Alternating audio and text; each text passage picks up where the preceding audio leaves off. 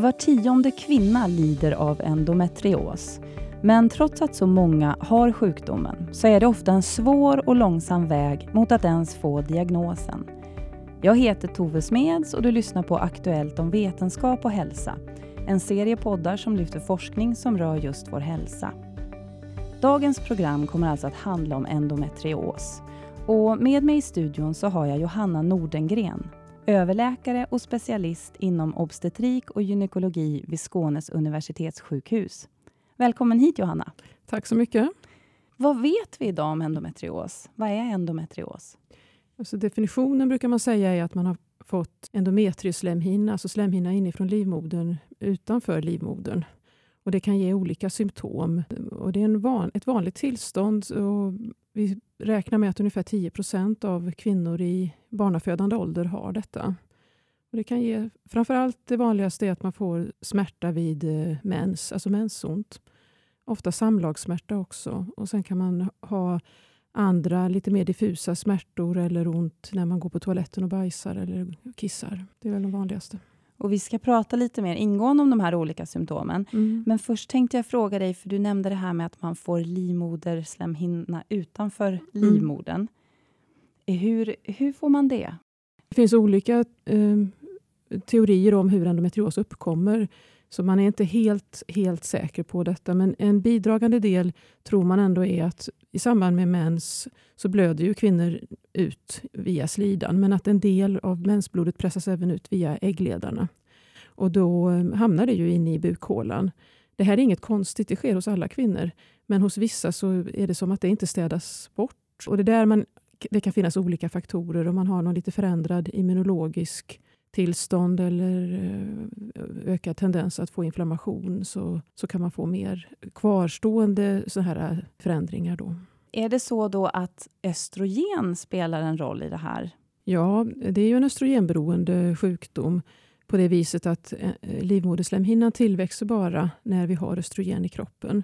Så vi ser inte detta före man har kommit i puberteten kan man säga och inte efter man har kommit till klimakteriet. Sen finns det vissa undantag. Före puberteten, när man väl har börjat få lite östrogen i kroppen så kan man få symptom utan att man har börjat menstruera. Ovanligt, men det förekommer. Och likadant i andra änden, i klimakteriet, kan man ha besvär om man har sammanväxningar efter tidigare operationer eller har haft endometrios tidigare. Så visst kan man ha symptom även efter man har kommit till klimakteriet. Hur gammal är den yngsta patienten du har träffat? Som jag har träffat så är hon väl 14 år. Mm. Men det finns beskrivet i litteraturen enstaka fall eh, som är yngre, alltså 10-12 år. Jag tänker att svårighetsgraden av endometrios den, den är ganska bred. Och Ibland så är det symptomfritt och ibland så blir det värre. Kan du mm. berätta lite grann om det? Det är en, det är en väldigt intressant och spännande sjukdom kan man säga på det sättet att den har väldigt, yttrar sig på många olika sätt. Och man kan inte riktigt se någon korrelation med hur stora och hur många förändringar man har och hur mycket symptom man har. Och vi kan eh, hos en viss del av den kvinnliga befolkningen se endometriosförändringar i samband med en annan kirurgiskt ingrepp och kvinnan har inga besvär. Så att det kan gå symptomfritt också. Och sen eh, just eftersom den yttrar sig på olika sätt, den kan sitta både på bukhinnan eller det kan sitta som cystor i äggstockarna eller det kan växa in i andra organ, så blir det väldigt olika symptombild på grund av det. Du nämnde att det här med menssmärtor mm. är, är, ett symptom, men samtidigt så känns det som att lite menssmärta har man väl alltid. Eh, när vet man att det är läge att undersöka menssmärtan? Ja, det är ju vanligt, som, som du nämner, med, med menssmärta. 30 procent av alla kvinnor har ju eh, så pass besvärlig mensvärk att man behöver ta, någon, ta värktablett i anslutning till sin mens. Men om man har gjort det och det inte hjälper och man måste kanske stanna hemma från skolan eller arbete så tycker jag att man ska uppsöka eh, vård för att få hjälp. Och eh, I första hand kan det innebära att man får prova p-piller eller någon annan hormonbehandling som har en dokumenterad och bra effekt på menssmärta, eh, även om det inte rör sig om endometrios. Alltså. Är det fler unga än äldre som drabbas? Um, man kan väl säga att de flesta har nog symptom sen, eh, ganska ung ålder, alltså någon gång under tonåren. Så att om man ser tillbaka, ibland händer det att man ställer diagnosen först kanske i 35-årsåldern, men att de kvinnorna kan ofta rapportera att jo, men jag har ju haft återkommande besvär tidigare. Men sen kan man kanske ha stått på p-piller en lång period och varit besvärsfri. Och Det är ganska typiskt för sjukdomen. Så att, mm, Den kan finnas där men är under bra behandling. Du nämnde livmoderslemhinnan. Kan du berätta lite grann vad den har för funktion? Vad gör den för någonting? Jag vet att du har skrivit en avhandling om det också, så vi passar på att fråga. Ja, ja men livmoderslemhinnan är ju den eh, slemhinna inuti själva livmodern som tillväxer varje månad på grund av de hormoner som insöndras från äggstockarna. Och den är ju till för att kunna ta emot ett befruktat ägg. Så att den tillväxer och blir lagom tjock. Och kommer det ett befruktat ägg så bäddas det in och så kan det tillväxa då en, en graviditet och bildas eh, moderkaka och fortsatt tillväxt. Men om inte någon befruktning sker så stöts ju den här slemhinnan ut. Ehm, så det är den, i den naturliga cykeln är det det som är livmoderslemhinnans uppgift kan man säga. Finns det några riskfaktorer för att utveckla endometrios? Har man sett något sånt? Det har studerats en del. Man har sett att det finns en viss genetisk koppling, alltså att om mamma eller syster eller någon nära kvinnlig släkting har haft detta så är det lite ökad sannolikhet att man får det. Och det finns forskning på det, vilka genetiska, eh, liksom vilka gener som kodar för detta, men det, där finns ingen tydlig, man kan inte ta några tester och få svar på det. Tidig debut av mens och, och riklig mens har man väl sagt också kan bidra till detta. Sannolikt för att man då utsätts för många cykler med, med mycket mensblod som, som då kommer ut i bukhålan. Och när du nämner tidig debut, mm. vad, vad ligger vi på i ålder då? Mm. Ja, jag tänker om man ja, tio års ålder eller så. Livsstilsfaktorer, jag tänker övervikt, stress, kost? Vet man någonting om sånt? Inte så att eh, kost skulle kunna ge upphov till endometrios. Däremot så har man väl sett att av de personer som har endometrios kan ibland bli förbättrade av vissa kostförändringar. Ehm, övervikt vet, det vet jag faktiskt inte riktigt eh, hur det förhåller sig med det. Hur länge har man känt till sjukdomen? Den har ju beskrivits sedan många hundra år tillbaka. Och så, så, kunskapen har väl funnits, men kanske uppmärksammats mer nu de sista åren skulle jag väl kunna säga ändå. Du har varit med och tagit fram ett vårdprogram för endometrios. Och man kan väl säga att det styr lite grann hur hälso och sjukvården tar hand om de här patienterna i, i Region Skåne. Vad var bakgrunden till att ni tog fram det? Ja, det har ju funnits eh, önskemål från patienter att få ett förbättrat omhändertagande kan man väl säga. För att många har upplevt att man inte riktigt har kommit till eller inte vetat vart man ska vända sig. Och eh, Det har ju framförts sådana krav även nationellt. Så att nu ska ju även Socialstyrelsen eh, ha sammansatt en grupp för att man ska ge riktlinjer som kanske ska vara gällande i hela landet. Så vi har ju, det är positivt att vi här i Region Skåne har tagit fram de här riktlinjerna redan nu och eh, har varit en hjälp i, i arbetet på de olika sjukhusen att eh, bygga upp förbättrad struktur. Men om nu endometrios är så pass vanligt, varför är det så ovanligt att man får diagnosen? Det har väl lite grann med att göra hur vi sätter diagnosen också. Det är, många söker ju med att man har besvär då med mensont och så får man reda på att man ser ingen, inget avvikande utan man får p-piller eller någon annan behandling och upplever kanske inte att man har fått någon förklaring till varför man har ont. Så kommer det nog kanske kunna upplevas lite framöver också. Det viktiga är väl att vi ska och det är det vi har gått ut med till olika vårdgivare i Skåne, att man ska följa upp om inte man blir förbättrad på den här behandlingen, att man lite snabbare remitterar vidare så att vi kan göra kompletterande utredningar så att man kan säkerställa om det rör sig om endometrios eller om det inte är det. Det är en, en diagnos som är, kan ibland vara lite svår att ställa därför att små förändringar syns inte alltid vid undersökning. Vi bad våra läsare att skicka in frågor inför den här inspelningen. Och En fråga som vi fick då handlar om kopplingen mellan endometrios och barnlöshet. Men jag tänkte först att du skulle kunna, innan jag läser frågan, så om du skulle kunna berätta lite grann om det här med barnlöshet och endometrios. Man kan säga så här att ungefär 85 procent av de kvinnorna som med endometrios som vill ha barn får det antal barn de vill. Men ibland behövs det hjälp, alltså med assisterad befruktning eller behandling på något vis. Men det är lite svårare för vissa att, att få barn av, av sig själva. Och Det bidrar till att vi också faktiskt hittar fler kvinnor med endometrios av de som söker för eh, primär barnlöshet. Så att i den gruppen av kvinnor är det inte 10% som har endometrios utan där kan det vara upp till 30, ibland 40 Så det finns en koppling, men man ska veta att de flesta får ändå och har möjlighet att få det antal barn de vill. Personen då som mejlade frågade hur endometrios påverkar förmågan att bli gravid och vilken hjälp det finns att få för mm. detta. Det finns ju flera uppkomstförklaringar till varför det är lite svårare att bli gravid. Och Det kan vara en eller flera som på, påverkas.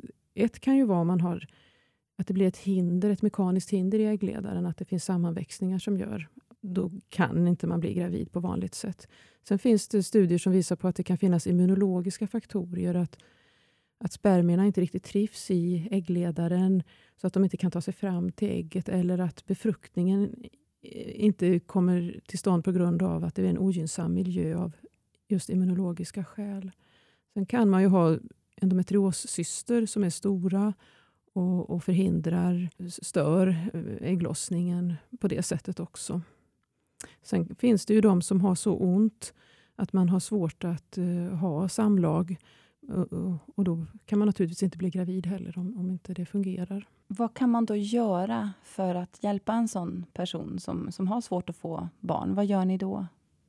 Vi har ju ett nära samarbete med de enheter som hjälper till med assisterad befruktning. Och I Malmö där jag arbetar så är det reproduktionsmedicinska centret. Så att vi samarbetar och, och diskuterar ifall man ska göra antingen då provrörsbefruktning eller eh, insemination som det kan bli fråga om. Ibland är det någon form av kirurgi, att man kanske behöver ta bort en cysta eller göra vissa andra kirurgiska ingrepp. Om vi eh, pratar lite grann om den här gruppen som inte är den stora gruppen men som får otroligt ont så pass att man ibland söker sig akut in till sjukhuset.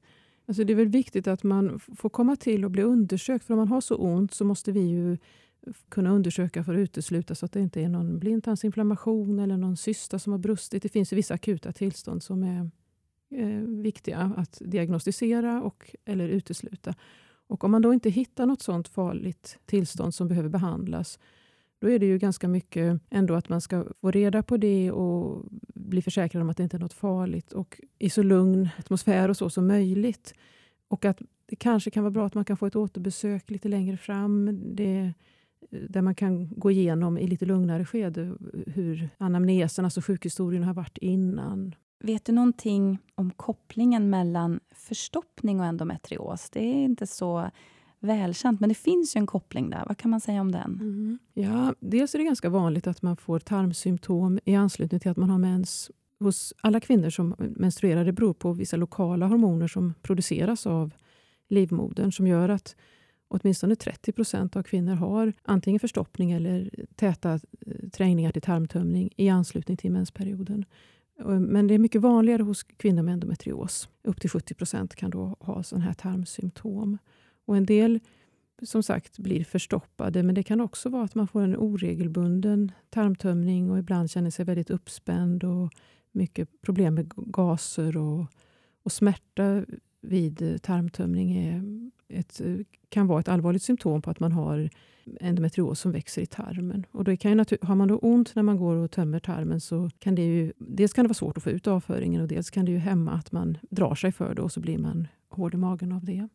Sen kan det ju vara så att man har sammanväxningar inuti magen som gör att tarmen har svårt att röra sig och därmed blir man eh, förstoppad. Och till sist kan man väl också nämna att vissa av de eh, smärtlindrande mediciner som vi använder eh, kan bidra till en för långsam tarmtömning. Du nämnde nu att endometrios kan växa i tarmen också. Var, var kan den finnas någonstans? Var kan det här växa? Endometrios är ju en lurig sjukdom. Men det finns faktiskt visat att den kan växa i vilka organ som helst i kroppen, utom mjälten. Men det är väldigt ovanligt att det det vanligaste är att det, att det växer i lilla bäckenet. Och, och är det då inte på liv, utan på livmodern och på bukhinnan eller eh, i äggstockarna så är det i tarmväggen, rektum eller eh, sista delen av tjocktarmen på utsidan av tarmväggen. kan också sätta sig på utsidan av urinblåsan och urinvägarna. Man kan inte ta ett blodprov och se att man har endometrios. Så riktigt säker på det kan man kanske först vara om man öppnar och tittar, eller? Ja, dels kan man ju se det med ultraljud om det finns eh, så pass stora förändringar så att vi ser dem. Och Då man, behöver man inte göra någon titthålsoperation.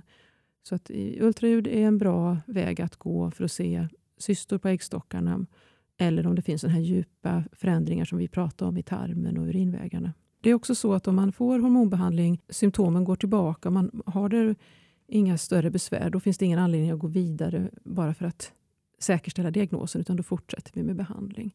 Men finns det tveksamheter, då gör vi en så kallad titthålsoperation, där man tittar runt och tar prover om man ser några förändringar. Det är lite grann som det här, skala en lök, att ni får liksom utesluta lite olika. Alltså jag förstår att det därför också kan ta tid innan man vet verkligen. Det är helt rätt. Så att det är inte alltid fel att det tar lite grann tid. Men däremot så ska man ju hela tiden följa upp det man gör och återkoppla till patienterna såklart. Det här med att leva med smärta som en del av de här patienterna gör. Jag tänkte på, vi har tidigare spelat in ett avsnitt om smärta och det kan jag rekommendera för dig som lyssnar. Eh, där en eh, läkare som heter Marcello Rivano Fischer berättar bland annat om hur man ofta vid smärta söker efter akuta trauman eller sår. Och Det är ju någonting som många av de här patienterna upplever att man får höra, nej men det, ser, det finns inget, det ser bra ut. Det ser bra ut, men det är ändå en smärtproblematik. Hur hanterar man den? Hur hjälper ni dem? För det första kan man väl säga så här att om man har gått en längre tid med eh, symptom, smärtor och inte först har vetat vad det är och sen ändå får reda på att man, det är endometrios kan upplevas som ganska befriande och skönt, för då vet man i alla fall vad det är. Så det är viktigt, tycker jag, det här att man sätter en diagnos. Och att man då försöker behandla den med de framförallt hormonella metoder som vi har.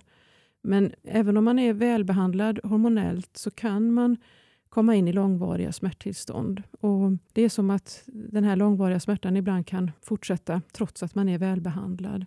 Då finns det ju flera olika saker man kan göra. Det jobbar vi med. Och Det kan vara både tablettbehandling mot smärta men framförallt också icke-farmakologiska metoder. Alltså att man med hjälp av sjukgymnastik eller eh, TNS, eh, alltså nervstimulering, som sjukgymnaster kan utprova. Och flera sådana behandlingsstrategier som hjälper mot smärta. Och där har vi faktiskt ett samarbete med, med just smärtrehab, med hur man kan hantera och hitta andra vägar att lära sig att leva med de här besvären som kan finnas kvar. En annan del av endometrios, och det har vi nämnt lite kort här, det är ju att det också kan orsaka smärta vid samlag. Är det ett vanligt problem som man söker för? Jag upplever väl kanske inte att, det, att alla söker för det, men om man frågar efter det så är det de allra flesta, med, eller många med endometrios har det. Det beror lite grann på var endometriossjukdomen sitter, i, i vilket organ. Men eh, det är viktigt att fråga efter, alltså när kvinnor söker med kanske mensont, att man frågar efter, har du också samlagssmärta? För det är en eh, väldigt stark koppling att om man både har, har båda två så är det lite större sannolikhet att man har endometrios. Och Det finns ju hjälp att få, dels hormonbehandlingen, men man kan också ibland få hjälp av eh, sexolog eller barnmorska med, eh, mot, specifikt mot den här samlagssmärtan. Jag har hört att endometrios går i skov. Stämmer det? Ja, det, det stämmer. Det är en sjukdom som kan vara lugn i, i många år och sen bli aktiv och sen så eh, vara lugn igen. Kan man hoppas på att man kan växa ur det? Ja, alltså det, den finns ju kvar kan man nog säga. Men att man kan ju alltid hoppas på att den, att den förhåller sig lugn. Och det ser jag hos många av mina patienter. Och sen vet vi ju också att när man kommer i klimakteriet så då ebbar det ut. En annan aspekt av det här, vi pratar ju mycket om kvinnorna, men det finns ju ofta kanske anhöriga eller partner som, som står nära, som kanske också drabbas, inte minst med tanke på om man har smärta vid samlag eller att man mår dåligt. Är det någonting som du märker hos dina patienter? Absolut. Det, på, alltså det här påverkar ju faktiskt kvinnan och hennes omgivning ganska mycket. Det kan påverka hur väl man kan fullfölja sina studier i skola och arbete. Och eh, ibland en rädsla att ingå i kanske relationer, för man vet inte om man klarar av ett samliv eller inte. Och, så att det, det, det, ser vi att absolut att det påverkar eh, hennes eh, sociala liv och, och, kretsen runt omkring. När vi arbetar så försöker vi ju ha ett eh, interdisciplinärt som vi säger, samarbete med flera olika yrkeskategorier för att kunna stötta och hjälpa de personer som behöver det. Så Det kan vara att, att man får kontakt med en kurator om man behöver prata, eller psykolog om det finns lite djupare problematik. Och sjukgymnasten som jag nämnde innan som kan hjälpa till. Och Då är ju anhöriga ibland också välkomna såklart att möta de här, äh, äh, i samband med de här olika insatserna. Socialstyrelsen har ju fått i uppdrag att arbeta med att ta fram nya riktlinjer. Vilken skillnad gör det att det kommer riktlinjer och rekommendationer? Det kan ju bli tydligare. Jag tror att det arbete som man från Socialstyrelsen kommer göra är bra på det sättet att man går igenom all vetenskap och um, kunskapsunderlaget och det vetenskapliga underlaget så att man verkligen har, använder sig av både vetenskap men också beprövad erfarenhet. För allting är ju naturligtvis inte Eh, helt och hållet beforskat. Eh, men att sen är det ju en, en, ett stöd i hur man ska bygga upp sin verksamhet om det finns riktlinjer och det kan vara viktigt eh, gentemot kanske vårdgivaren eller sin, de som bestämmer hur resurserna ska tilldelas. Att man faktiskt visar att ja, men det här och det här behövs för att vi ska kunna ge en, en, den vård som man ändå betraktar är den, den mest effektiva. Nu under hösten så startar Region Skåne ett endometriosteam som, som du kommer att arbeta med. Kan du berätta lite grann om det? Ja, jag kanske redan har föregått det lite grann med att jag berättade om eh, nej men Det är ju utifrån de riktlinjerna som finns framtagna och att vi ska ha en, eh, ett team runt patienten så att de, vi både utreder patienter med misstänkt eh, endometrios eller de som har en säkerställd endometrios och ifall man behöver göra, om man behöver göra mer insatser. Och att vi tar hand och följer de som har svåra besvär av sin endometrios. Och då ingår det ju både gynekologer och eh, sen då sjukgymnast, eh, kurator, psykolog, sexolog och eh, ultraljudsspecialister. Även har vi samarbete med smärt eh, läkare och specialister på reproduktionsmedicin. Så det, man försöker jobba tillsammans så, och, men ändå utgå från patientens behov och individualisera i den mån som det behövs naturligtvis. Framförallt ser jag fram emot att vi kommer ha kontaktsjuksköterska också där det finns en direktväg in för patienter att, som har säkerställd endometrios, att de kan ringa och veta vart de ska vända sig. Så man kanske slipper den här känslan av att man inte vet vart man ska vända sig. Lite motsvarande arbetar man ju vid andra långvariga eh, sjukdomstillstånd. Så den modellen finns ju, är väl känd att det kan fungera bra. Men om man då inte har säkerställd endometrios, vart mm. vänder man sig då? Ja, vi rekommenderar ju att man vänder sig till antingen en eh, gynekolog på en öppenvårdsmottagning, privatmottagning eller på sjukhuset, eller vårdcentral för en första bedömning. Så att vi tar emot patienter naturligtvis, men på remiss ifrån andra vårdgivare.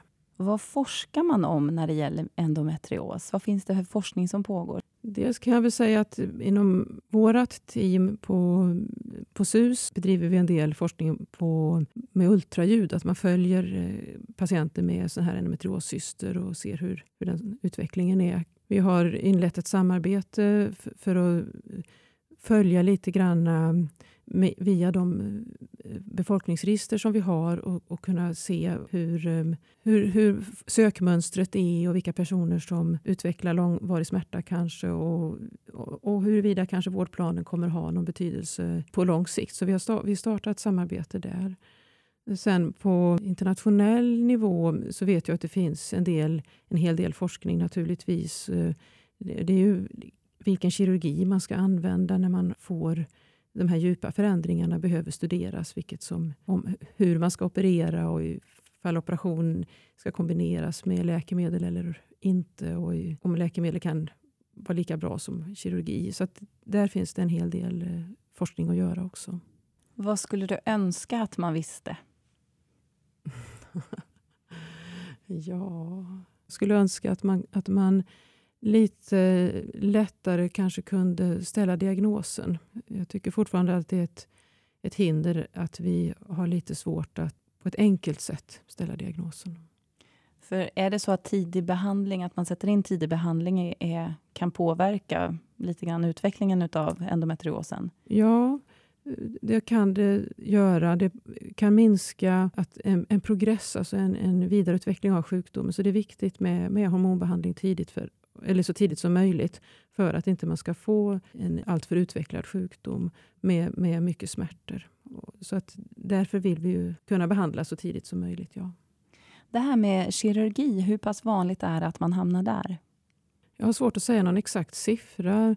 Man opererar ju endometriom, alltså cysterna på äggstockarna, de blir stora och, och, och, det blir väldigt smärtsamt och inte hormonell behandling hjälper eller om de är i vägen när man ska till exempel plocka ägg i samband med provrörsbefruktning. Sen eh, gör vi ju operationer om man har fått förändringar som ger eh, en striktur, alltså en förändring som trycker ihop tarmen eller förhindrar urinvägarna. Då kan man behöva vidga och åtgärda det. det. det. är betydligt mer ovanligt. Så den vanligaste operationen vid endometrios är nog ändå att vi tar bort eh, endometrioscyster eller att man tar bort små förändringar på bukhinnan. Mm. Problemet när man har tagit bort såna här små förändringar på bukhinnan är att symptomen och det kommer tillbaka. Inom ett, två år så brukar man ha fått tillbaka smärtor och liknande förändringar. Så hormonbehandlingen är ändå det som mm, i första hand man ska använda sig av och även efter en operation brukar vi rekommendera att man fortsätter med hormonbehandling. Så det är två, man får ibland bara det ena, ibland bara det andra, men ofta ibland en kombination av det.